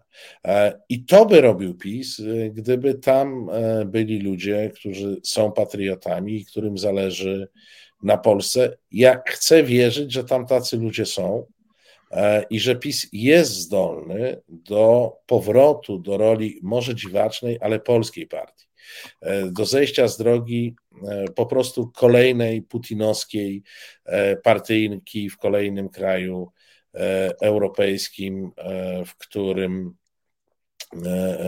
w którym po prostu Putin, który Putin musi kontrolować i w którym dezintegracja ma postępować bez, bez szczególnych przeszkód. To, cała ta odpowiedzialność jest po stronie władzy, E, dzisiejszej władzy. Jakkolwiek, no jak Państwo mówicie o Andrzeju Dudzie, e, człowieku skrajnie niesamodzielnym i można tylko obstawiać, od kogo on jest bardziej zależny. Jeżeli mówicie o Mateuszu Morawieckim, który jest pośredniej jakości wykonawcą cudzej e, woli, czy człowiekiem, który no, tak się przyzwyczaił opowiadać bzdury, że on już chyba w życiu nic mądrego nie powie, no to nie mamy o czym rozmawiać. I nie od rzeczy jest e, wspomnienie o tym, że doskonale wiemy, że ta władza jest głęboko zinfiltrowana przez rosyjską agenturę i musiałyby się znaleźć siły w PiSie, które chciałyby oczyścić, czy przynajmniej zabezpieczyć się przed tą e, agenturą, po to, żebyśmy mogli skutecznie być, e, stawiać opór Putinowi i skutecznie walczyć o swoje miejsce w świecie Zachodu. Proszę Państwa, dzięki uprzejmości Małpiaka mamy zdjęcia z demonstracji. Małpiaku pisałeś, to jest Bern czy Curych? Na pewno podpowiedz, podpowiedz szybko. E, Asiu, zacznij nam wyświetlać a my zaraz e, się dopytamy, gdzie jest ta demonstracja. Yy, zaraz zobaczę, chwileczkę.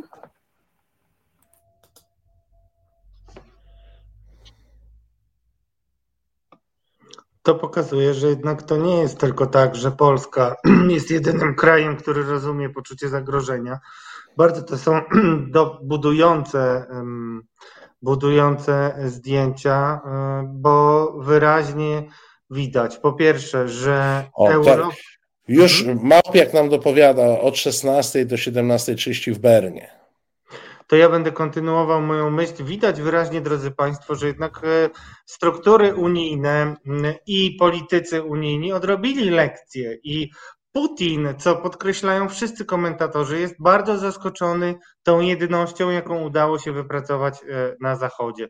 I mimo tego, że mm, e, no, są politycy, którzy będą sprzyjać e, niwelowaniu czy ograniczaniu skali sankcji, to jednak rządy europejskie stoją dzisiaj murem. Ja tutaj przypomnę na przykład E, wypowiedź e, Milosza Zemana, prezydenta Czech, który jest uznawany za jednoznacznie prorosyjskiego polityka, który powiedział, że e, on się tego nie spodziewał, że Putin może zaatakować Ukrainę, a jeżeli to zrobił, to jest to szaleństwo, a szaleńca tutaj trochę trawestuję, trochę, trochę parafrazuję, ale tylko trochę, to szaleńca nie będzie popierał. To jest dla mnie niby jedna jaskółka, ale wierzę, że wiosnę w Europie taką putinosteptyczną albo antyputinowską nam przyniesie. Tak sobie bym tego życzył. Bardzo dziękujemy Małpiaku za e, relację z Berna. Na pytanie, dlaczego nie pokazujemy w polskich miastach, pokazaliśmy dwa miasta, Warszawę i Kraków. E, I jak ktoś nam udostępni relacje z innych miast, oczywiście też miast i wsi, nie ma to znaczenia. E, oczywiście też e, udostępnimy. E, sami jesteśmy tego ciekawi. Demonstracje odbywają się w bardzo wielu miejscach Polski, przede wszystkim tam, gdzie są rosyjskie placówki, czyli pod ambasadą, pod konsulatami, które oczywiście Federacji E, Federacji Rosyjskiej. E, cóż, to chyba znowu zasłużyliśmy na krótką przerwę, po której, zaraz po której wracamy. Znudzeni mainstreamowymi newsami? Czas na reset obywatelski, zaangażowane dziennikarstwo. Bez wejścia Radosław Gruca i Marcin Celiński kontynuujemy nasz program. Mamy jakiś problem techniczny z połączeniem z gościem, ale e, Asiator już nad tym e, pracuje. piszą Państwo, że jeśli chodzi o protest SWIFTowy, to blokowany jest przez Cypr, Niemcy i kogoś jeszcze, tak? To ja chciałem e, tutaj Włochy. tymczasem. Ja jeszcze jedną rzecz chcę ważną powiedzieć. My nie jesteśmy medium zasięgowym, ale uważam, że wszędzie trzeba o tym mówić. E, panika, jaką w tej chwili zaczynamy obserwować w wielu e, miastach, panika zakupowa związana z zakupami chociażby benzyny. Pamiętajcie Państwo, że jest w, dużo, w dużej mierze wywoływana przez trole. E, to, to już mamy takie komunikaty z ośrodków, które tym się zajmują. No i niestety powielana przez nas e, wszystkich. E, jest to klasyczny mechanizm, który powoduje, że jak widzimy kolejki przy stacjach benzynowych czy bankomatach, to natychmiast do nich biegniemy, bo taki jest odruch. A ze stacjami benzynowymi i bankomatami jest tak, że one mają określony cykl logistyczny dowożenia paliwa bądź gotówki do bankomatu. W związku z czym, jak wszyscy naraz rzucimy się, to one faktycznie mogą się zrobić puste, ponieważ logistyka wszystkich dostawców e, jest bardzo precyzyjnie określona. Więc tu, proszę Państwa, nie ma w tej chwili żadnych powodów i uwierzcie mi, nie jestem premierem Morawieckim, więc mówię wedle wiedzy, jaką posiadam i szczerze, nie ma w tej chwili powodów do zakupowej paniki w Polsce. E, to jest tylko i wyłącznie podgrzewanie atmosfery, na które się e, na które to podgrzewanie atmosfery my się niestety e, dosyć łatwo dajemy nabierać. Nie chciałbym zobaczyć, że w Polsce jest większa panika niż w miastach ukraińskich, bo to by było już śmieszne. W przededniu mm, rosyjskiego ataku do rzeczy publikuje numer, w którym Rafał Ziemkiewicz wróży sukces Konfederacji, a jego szef, przyjaciel i e, drugi z tego duetu polexitowego, tych, którzy piersi zdjęli maski jakichkolwiek pozorów, pisze, drodzy Państwo, tak, w artykule wstępniaku Broń w ręku komisji pisze tak. Prezes Jarosław Kaczyński, komentując decyzję TSUE, mówił o tym, że Polska została oszukana. Premier Mateusz Morawiecki stwierdził, że orzeczenie TSUE jest niesprawiedliwe. Mówimy oczywiście o tym orzeczeniu, które mm, oddaliło skargę na e, pieniądze za praworządność w zeszłym tygodniu. O tym rozmawialiśmy z dr Bogną Baczyńską. E, I dalej Paweł Lisicki pisze tak, wszystko to jest bardzo dziwne. Przecież gdybyśmy w grudniu 2020 roku nie podpisali się pod mechanizmem warunkowości, to ani nie można by było dziś Polski oszukać, ani wydać niesprawiedliwego wyroku. Wszelka wypłata środków pomocowych dla innych państw z Unii należała, zależałaby od zgody Warszawy. Dobrze, to, to mogę dekonstruować, ale puenta jest ważna.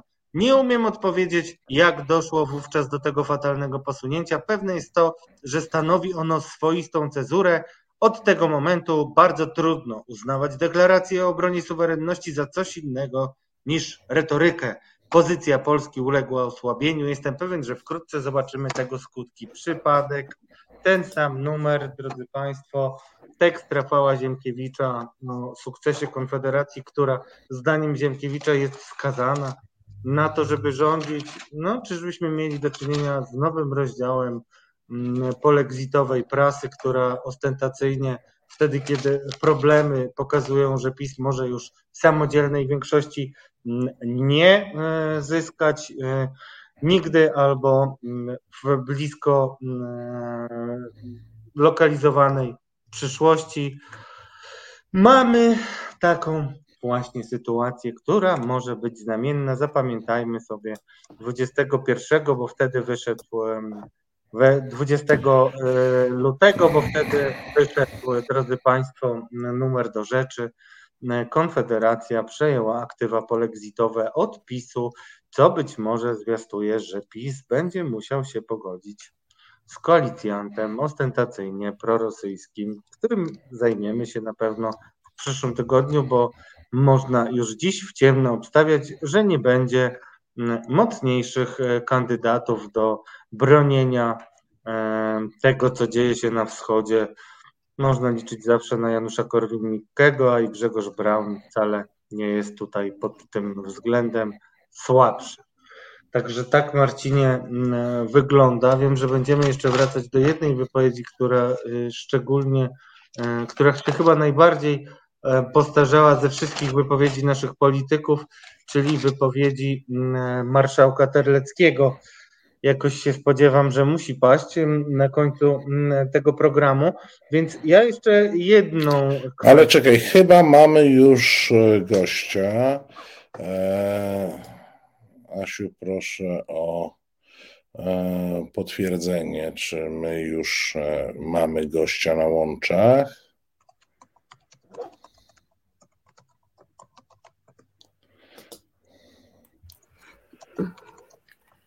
Halo, halo. Dobry wieczór.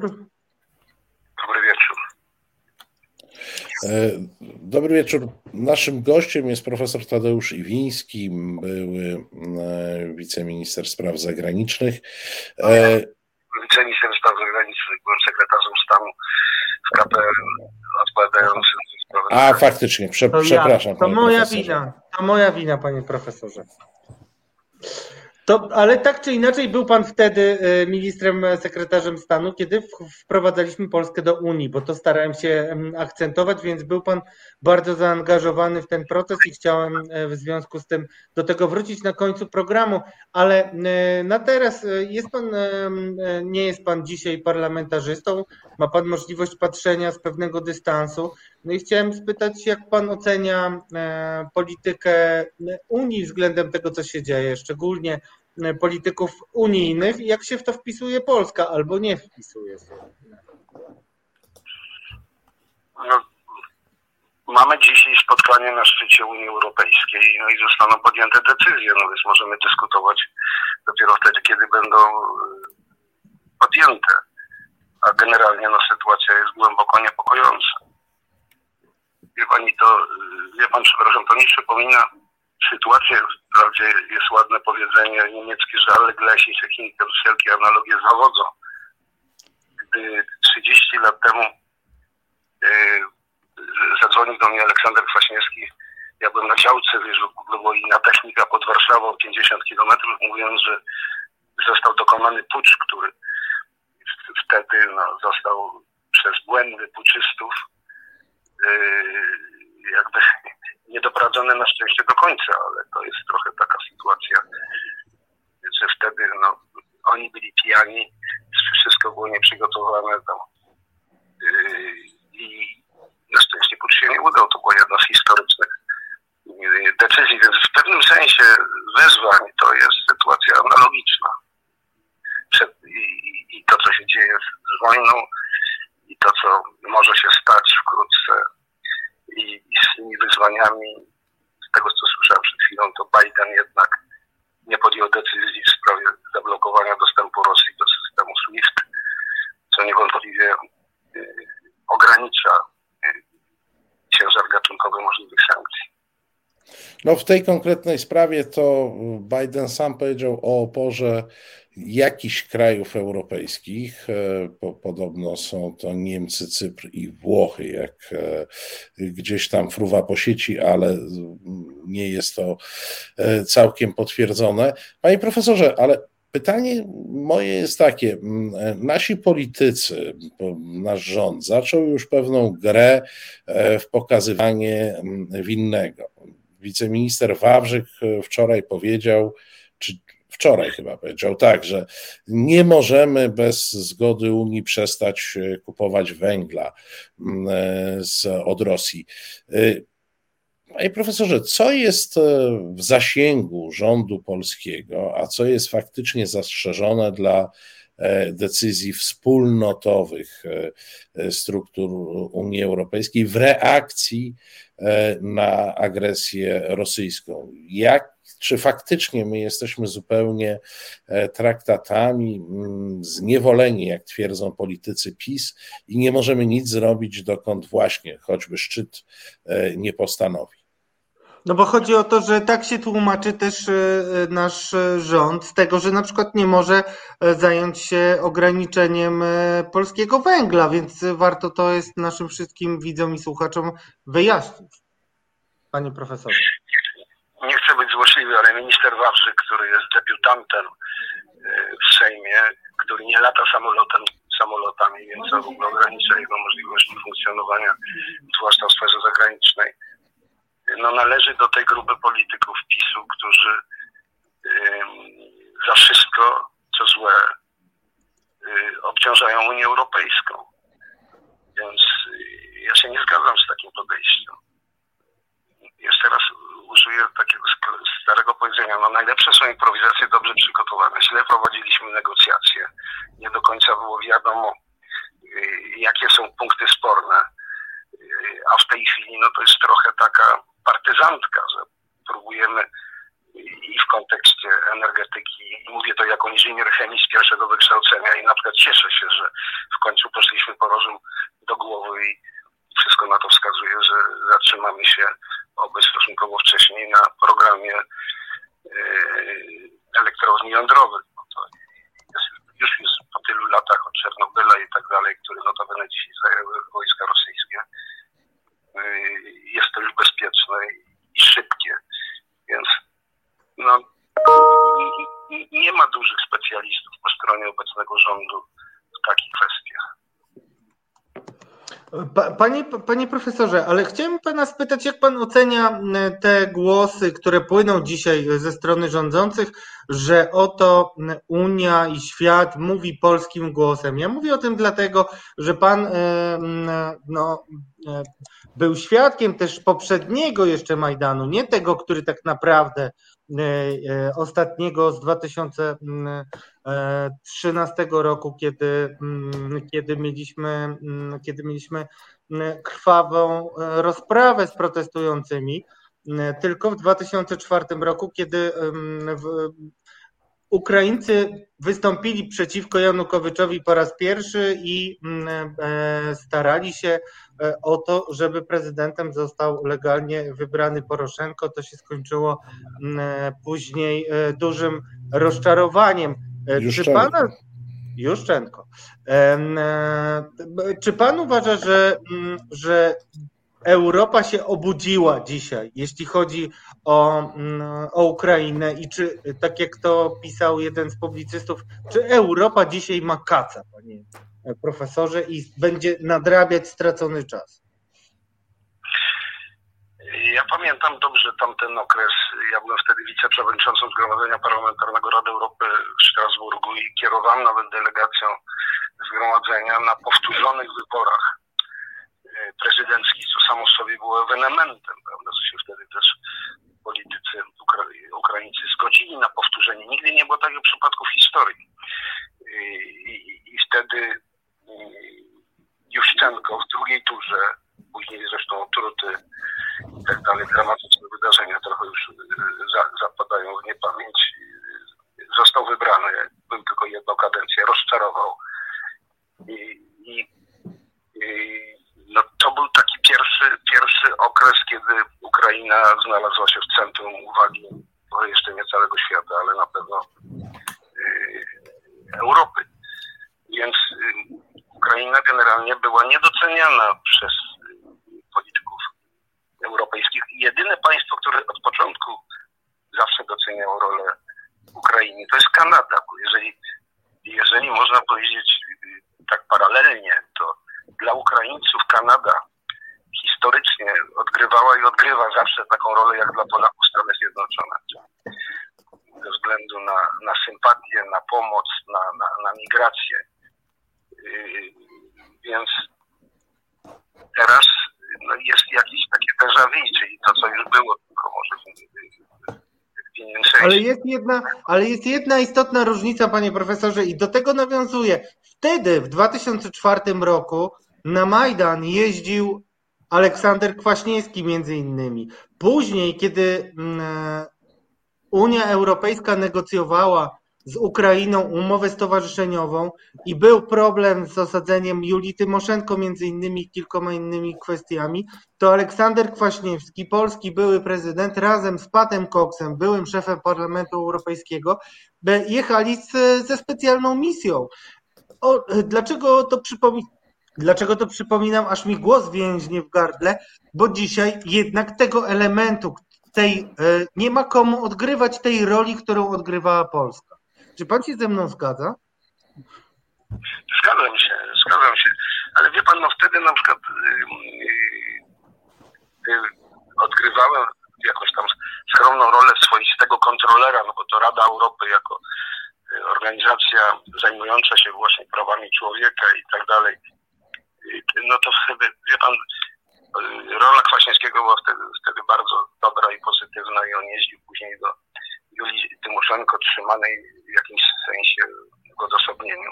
Ale na przykład no, kiedyś się zdarzyły takie sytuacje, że na przykład ja z całym gronem proszono mnie o, o dyskusję z całym gronem czołowych polityków, którym bardzo zależało na tym, co, co Polak, co polski deputowany, wiceszef Rady Europy powie im.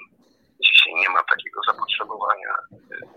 Jest dużo sympatii oczywiście do, do Polski, do Polaków ale nie ma takiego traktowania Polaków jako w dobrym sensie, nie mówię ironicznie, jako ludzi bardziej, bardziej doświadczonych, którzy mogą się z nami podzielić i zaproponować y, takie czy inne rozwiązania. Także straciliśmy, y, gdzie się rozeszła ta pozycja nasza. I to szkoda, bo to nie wiem, w części. No ale ona sama się chyba nie rozeszła, panie profesorze. Tutaj możemy bardzo konkretne winy przypisać e, i podzielić nimi e, dużą liczbę polityków PiSu, chociaż nie wszyscy koniec końców kłaniają się prezesowi. E, panie profesorze, chciałem spytać jeszcze o to, jakby pan się odniósł do tej polexitowej narracji. Po tym, jak polexit był słowem wyjątkowo mocno uderzającym w sondaże PiS przynajmniej obawiali się tego, że będzie mocno uderzał. No teraz władza zmieniła narrację i mówi dużo o tym, że um, powinno się zmienić kształt Unii, bo my nie do takiej Unii wchodziliśmy. Teraz to jest Unia Niemców, dyktat CUE, który jest kontrolowany przez Niemców. Premier Morawiecki mówi o partii Nord Stream, którą ma być pipi, e, pipi, E, Europejska Partia Ludowa. Jak się pan, jakby pan to skomentował na przestrzeni, e, na przestrzeni, przepraszam, ile liczę, 17, 17 lat, tak bardzo zmieniła się Unia rzeczywiście, że możemy mówić, że wstępowaliśmy do innej Unii, a może to nic nadzwyczajnego. Liczba głupstw, które są wypowiadane przez PiS, który nie ma dobrych y, specjalistów, nie mają do, ludzi, którzy znają dobrze języki obce, co jest, co jest w ogóle podstawą także w takich dyskusjach. Ale do, dokończę jednym zdaniem poprzedni wątek. No my zostaliśmy dzisiaj w polityce zagranicznej no wyparci przed, przez taką mniej niż 3 milionową Litwę, jeżeli chodzi o kontakty z opozycją, no, często na przykład jak, jak z białoruską i, i tak dalej, więc y, Litwę, która ma bardzo prawicowych polityków teraz, na przykład wnuk byłego, bo nigdy on nie był wtedy jeszcze prezydentem Landsbergisa, obecny szef dyplomacji litewskiej, no popełnił taki klasyczny błąd, że de facto uznał Tajwan, co skończyło się już, no, może się skończyć katastrofą gospodarczą i sankcjami Chin. No, natomiast wracając do, do tego czasu, powtarzam, no mamy na pewno jednego kandydata, Y, który kiedyś pięć razy pozwał mnie do sądu, bo powiedziałem, że y, w telewizji jakiejś, że nie zdał egzaminu na aplikację prokuratorską w Krakowie. Myślę o Zbigniewie Ziobrze, który myślę, że bardzo zapracowuje na postawienie go przed Trybunałem Stanu. Y, pod wieloma względami, ale to jest inny, inny temat. No więc nie, nie mamy w tamtym obozie dobrych specjalistów, którzy znają prawo, którzy znają języki, którzy mogą rozmawiać jeżeli chodzi o Mateusza Morawieckiego, no to y, on y, no ma na pewno określone umiejętności. Jest dość sprawny językowo i tak dalej. Ale y, zachowuje się pod pewnymi względami nieetycznie. No, on tyle, ile on włożył wysiłku, żeby być doradcą Donalda Tuska, prawda? I to, była, i to był jego początek kariery. A teraz no, opowiada często takie rzeczy, których, jak to mówiłeś kiedyś po ukraińsku, chatko słuchać. Więc... Y, no, panie profesorze, dodam, że stare, Stare przysłowie mówi, że nieważne w ilu językach mówisz, ważne, żebyś miał w nich coś do powiedzenia. I tu chyba Mateusz Morawiecki no, ma... To jest banalna, banalna odpowiedź. Nie, po niemiecku się mówi tak, skoro pan ten dot, dotknął tego wątku, wie viel Sprache, das, wie viel językami mówisz, so viel tylekroć jesteś człowiekiem. To jest, wie pan, y, sens. Natomiast no, obaj bracia Kaczyńscy, odpowiadają za regulacje i za warunki wchodzenia do Unii, także polskie. Wtedy nikt tego nie kwestionował. I jeden i drugi konsultowali się z sobą wzajemnie telefonicznie, więc teraz mówienie, że oczywiście, że czas ucieka, zmieniają się okoliczności, ale opowiadanie, że to jest Unia, jest zupełnie inną organizacją. No każda organizacja międzynarodowa, a jest ich kilka tysięcy, kilka tysięcy na świecie, dynamicznie podlega zmianom. Każ, każda. Tak, tak samo NATO, tak, tak było kiedyś z RWPG nawet, prawda? ONZ się zmienia i, tak dalej, więc y, nie, nie, brak jest dzisiaj jakby specjalistów, takich ludzi, którzy na przykład jak na szczęście no, żyje i ma się dobrze, jak, Adam, jak profesor Adam Rotfeld, który przez tyle lat kierował szwedzkim SIPRI, czyli Instytutem Badań Strategicznych, jedyną taką placówką na świecie, która zajmuje się zbrojeniami, rozbrojeniem i, i tak dalej. Więc nie ma, nie ma po stronie PiSu takich, w ogóle polskiej prawicy takich opowieści. Są tylko y, ci, którzy dominują, szukają gąmotów i, i prób wyjaśnienia wszystkiego, prawda, tak jak z żarówką i tak dalej. Teraz i energią. Więc ja patrzę na to ze smutkiem, bo to jest taki jest obraz Polski w końcu, który się naj, najbardziej liczy, a nie, a nie takiej czy innej formacji czy partii politycznej. Panie profesorze, na, na koniec poproszę pana o to, żeby przez chwilę był pan e, doradcą, trudno, nawet tego rządu. Mamy konkretną sytuację, mamy agresję E, Rosji na Ukrainę. Mamy e, Unię Europejską, mamy NATO, Unię Europejską, z którą jesteśmy skonfliktowani. Trzy rzeczy, które powinien zrobić w tej chwili rozsądny polski rząd. Po to, żeby postawić nas w lepszej pozycji wobec tej e, agresji, która przecież bezpośrednio wpływa na nasz poziom bezpieczeństwa.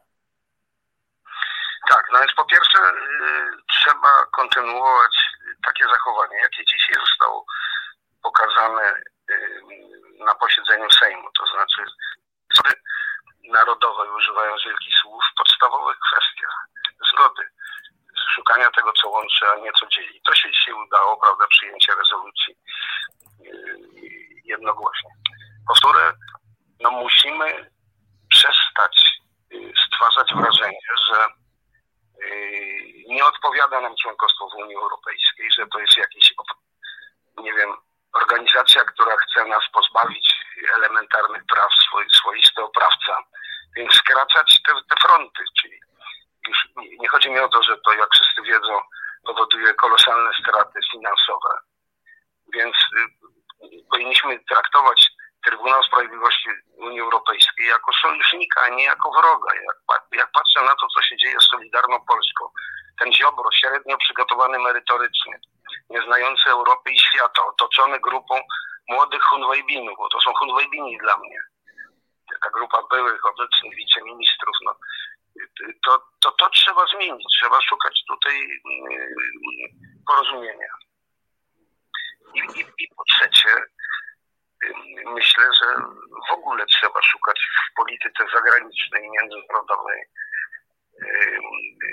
konsensusu, takiego najmniejszego wspólnego mianownika w różnych, w różnych y, kwestiach. Jeżeli chodzi o sprawy bezpieczeństwa, to myślę, że to jest, będzie dość łatwe, natomiast y, idzie jak po grudzie w relacjach y, z Unią Europejską.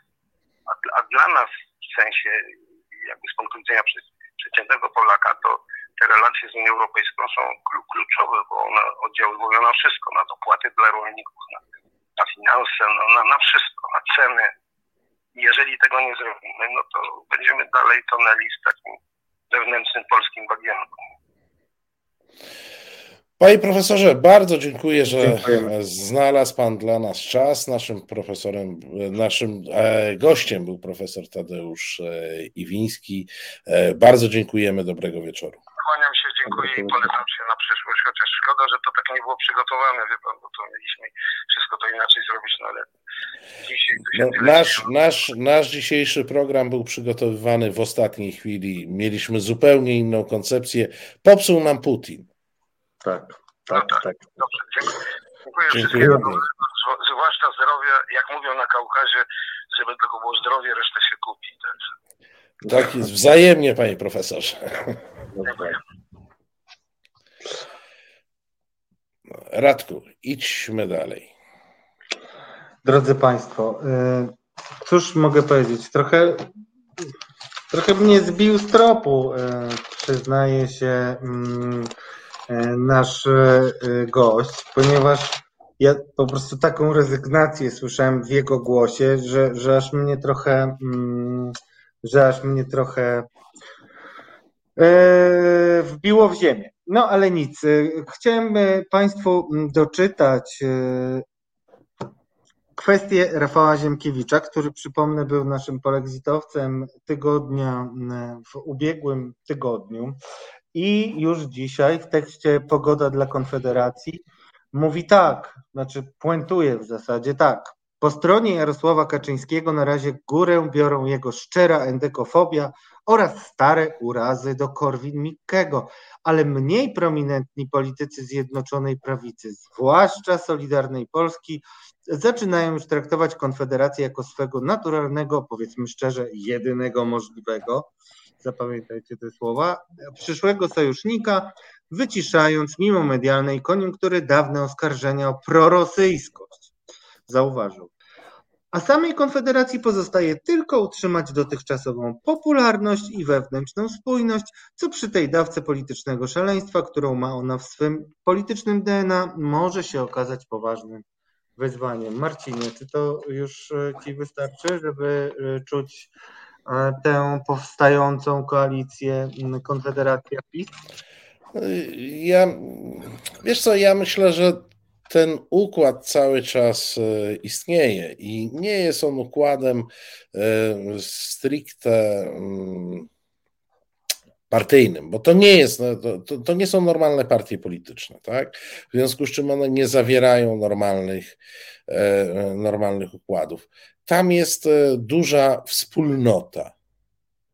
E, zarówno części PiSu, zarówno Solidarnej Polski, jak i Konfederacji. Tę wspólnotę można nazwać wspólnotą ducha, e, można nazwać wspólnotą poglądów, można też nazwać wspólnotą sponsora bądź oficera prowadzącego. Różnie to można interpretować. Ja w tej chwili nie stawiam e, żadnej tezy, poza tym, że wspólnotę e, zauważam.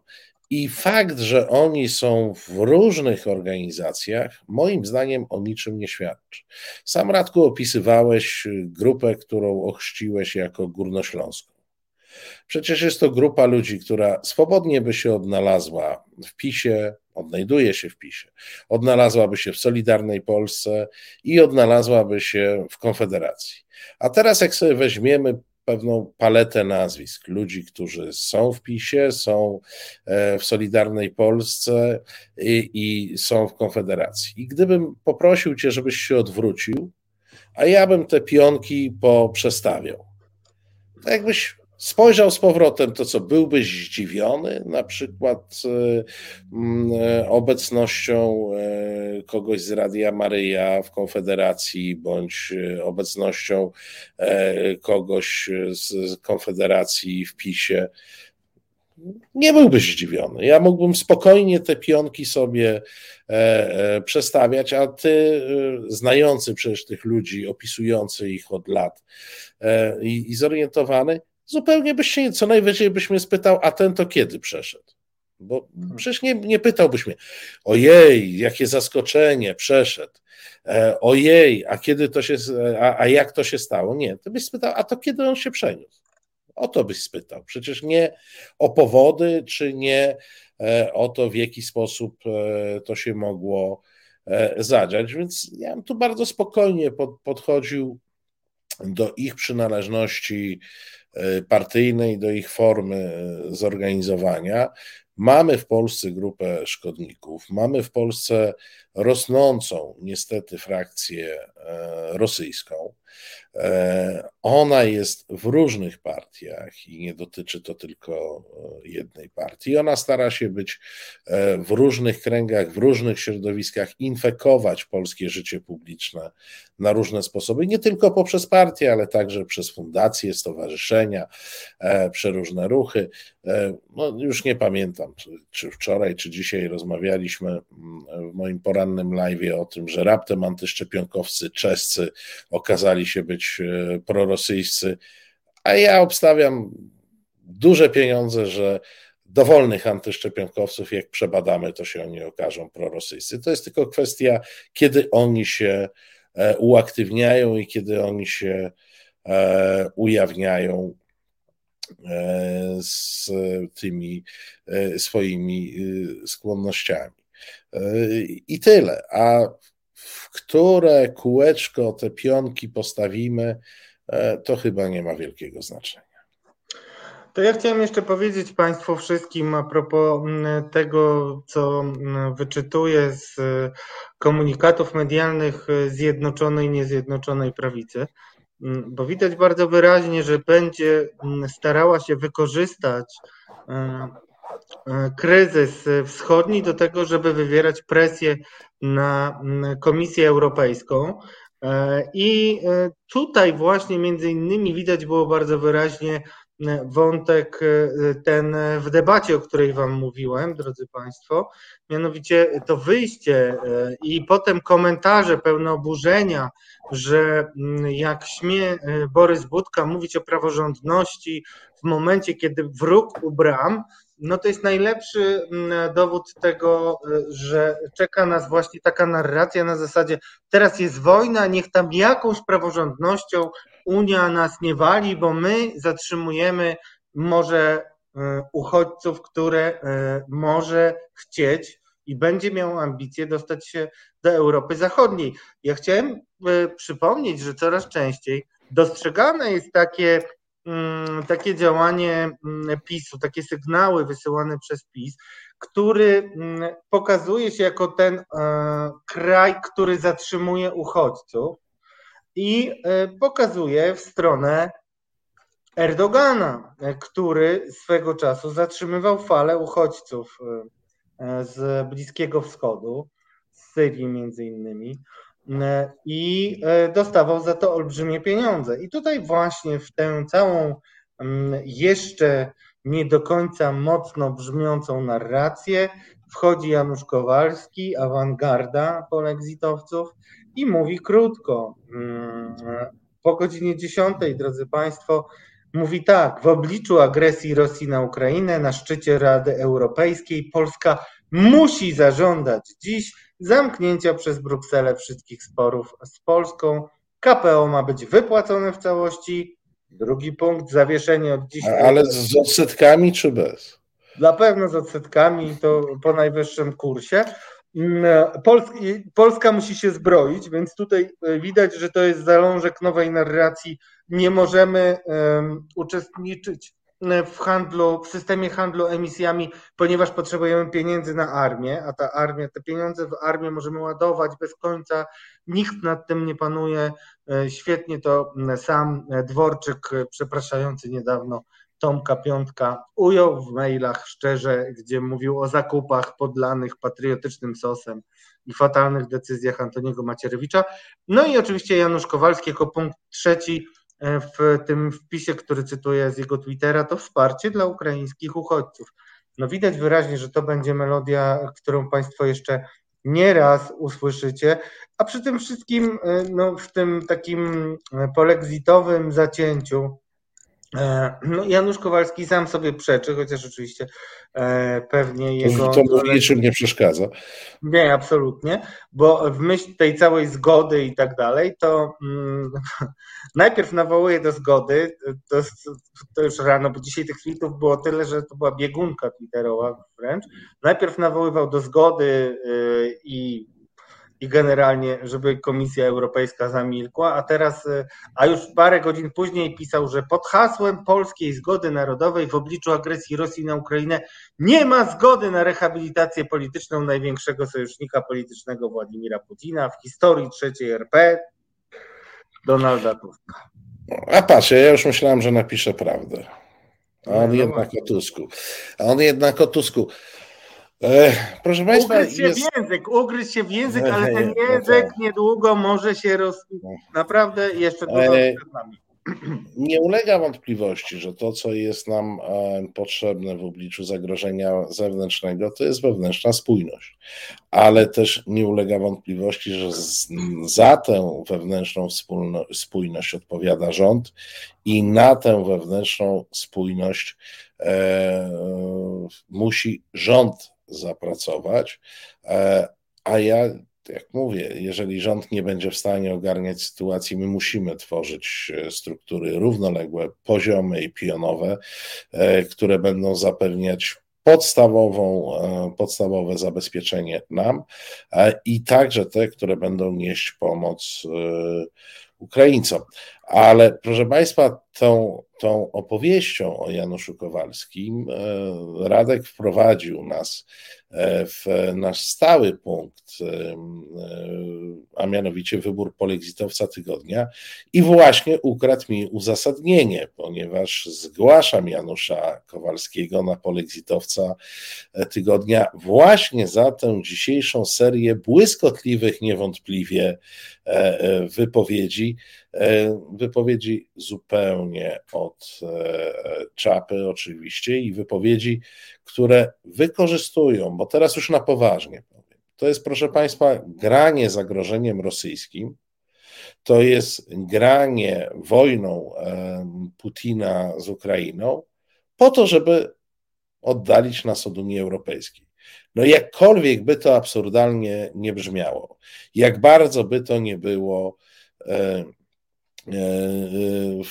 wbrew e, naszym interesom, to pan Kowalski wykorzystuje zagrożenie rosyjskie, żeby się jeszcze bardziej skonfliktować z Unią Europejską.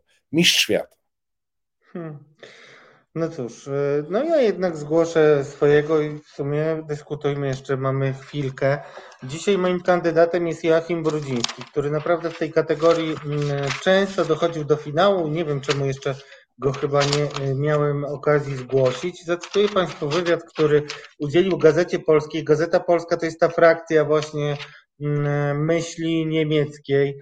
Jest tutaj parę wesołych mm, poprawek. Przypominam, przypomniało mi się, jak Joachim Brudziński pod Trybunałem E, pomagał Jarosławowi Kaczyńskiemu, który mówił, cała Polska z was się śmieje i on nagle z pleców krzyczył, komuniści i złodzieje, no bo wiecie, tam trochę inaczej było z tymi komunistami.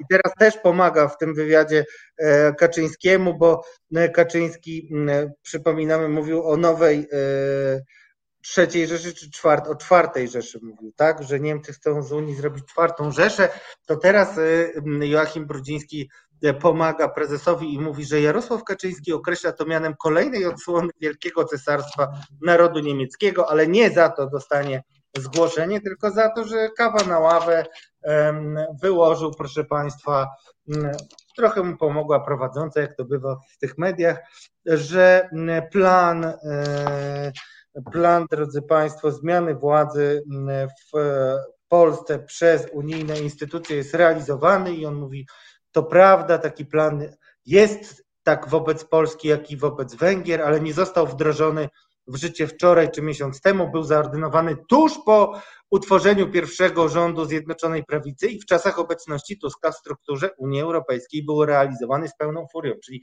to było tak, że Tusk uciekł do, na odcinek unijny, żeby ostrzeliwać prawicę, już czuł tutaj, się przyczaił, a teraz wraca a to był w ogóle mm, jeden wielki plan, tak to widzi Joachim Brodziński. I tutaj jeszcze jedna e, rzecz, która mi się bardzo spodobała i chciałbym, żebyś do tego się odniósł, Marcinie, przynajmniej jednym zdaniem, e, e, bo mm, Brudziński mówi, my nie załamujemy rąk, nie wpadamy w histerię, ale mówimy stanowczo i wprost, nie do takiej Unii wchodziliśmy, choć wywodzimy się z ugrupowania, które jako pierwsze w Polsce, i tutaj jest słowo klucz, zdecydowanie formułowało postulat przystąpienia Rzeczpospolitej do Unii Europejskiej, czyli porozumienie centrum. No to ostatnie jest wiedzą absolutnie tajemną, ponieważ porozumienie centrum e, zaczęło być euroentuzjastyczne w, w, w, w połowie istnienia PiSu bo wcześniej nikt o tym e, nie słyszał. E, trzeba przyznać, że w momencie referendum unijnego Jarosław Kaczyński poparł, e, e, poparł e, natomiast nie był, poparł integrację, ale cieszył, natomiast poparł, ale, ale się nie cieszył, tak, on wtedy grał takiego Gowina, on mówił, no popieram i mam nadzieję, że nas nie oszukają, tak się zabezpieczał. Natomiast bzdurą jest, żeby e, e, twierdzenie, że PC zgłaszało ten pomysł. PC przypisuje sobie też pomysł zgłoszenia nas do NATO e, i aspiracje natowskie i europejskie to był rząd Jana Krzysztofa Bieleckiego, czyli rząd przed PC, a nie rząd PC. No ale u nich, jak wiadomo, oni do tej historii podchodzą jak Władimir Putin. Oni ją widzą jakoś inaczej, a najczęściej piszą sobie od nowa. Natomiast jeśli chodzi o Twojego kandydata na polexitowca, ja Państwu dzisiaj zwróciłem uwagę, że histerię mm, zakupową wywołują e, ruskie trole i nie dziwcie się, że niektóre trole to mają imiona i nazwiska polskich polityków, a nawet wyglądają jak polscy politycy, a nawet są polskimi e, politykami i tyle mogę powiedzieć. I ponieważ Joachim Brudziński nam się przewijał jako kandydat, to myślę, że przyszedł ten moment, kiedy powinniśmy go uhonorować. E, szczególnie, że on jest od jakichś dwóch tygodni bardzo aktywny. Tak? Przez jakiś czas było o nim ciszej, a od dwóch tygodni jest bardzo aktywny i jest bardzo aktywny na odcinku, który nas najbardziej interesuje, czyli na odcinku e, polexitowym. E, Janusz Kowalski już był polexitowcem i jeszcze nie raz będzie. Ja wierzę w Janusza Kowalskiego, to jest twardziel, to jest walczak, on zawsze potrafi przebić wszystkich. Swoimi e, polexitowcem zróbmy w tym roku, w tym tygodniu Joachima Brudzińskiego poddaje się. Dziękuję bardzo w takim razie. Drodzy Państwo, e, zachęcamy Was, dziękujemy za dzisiejszy program.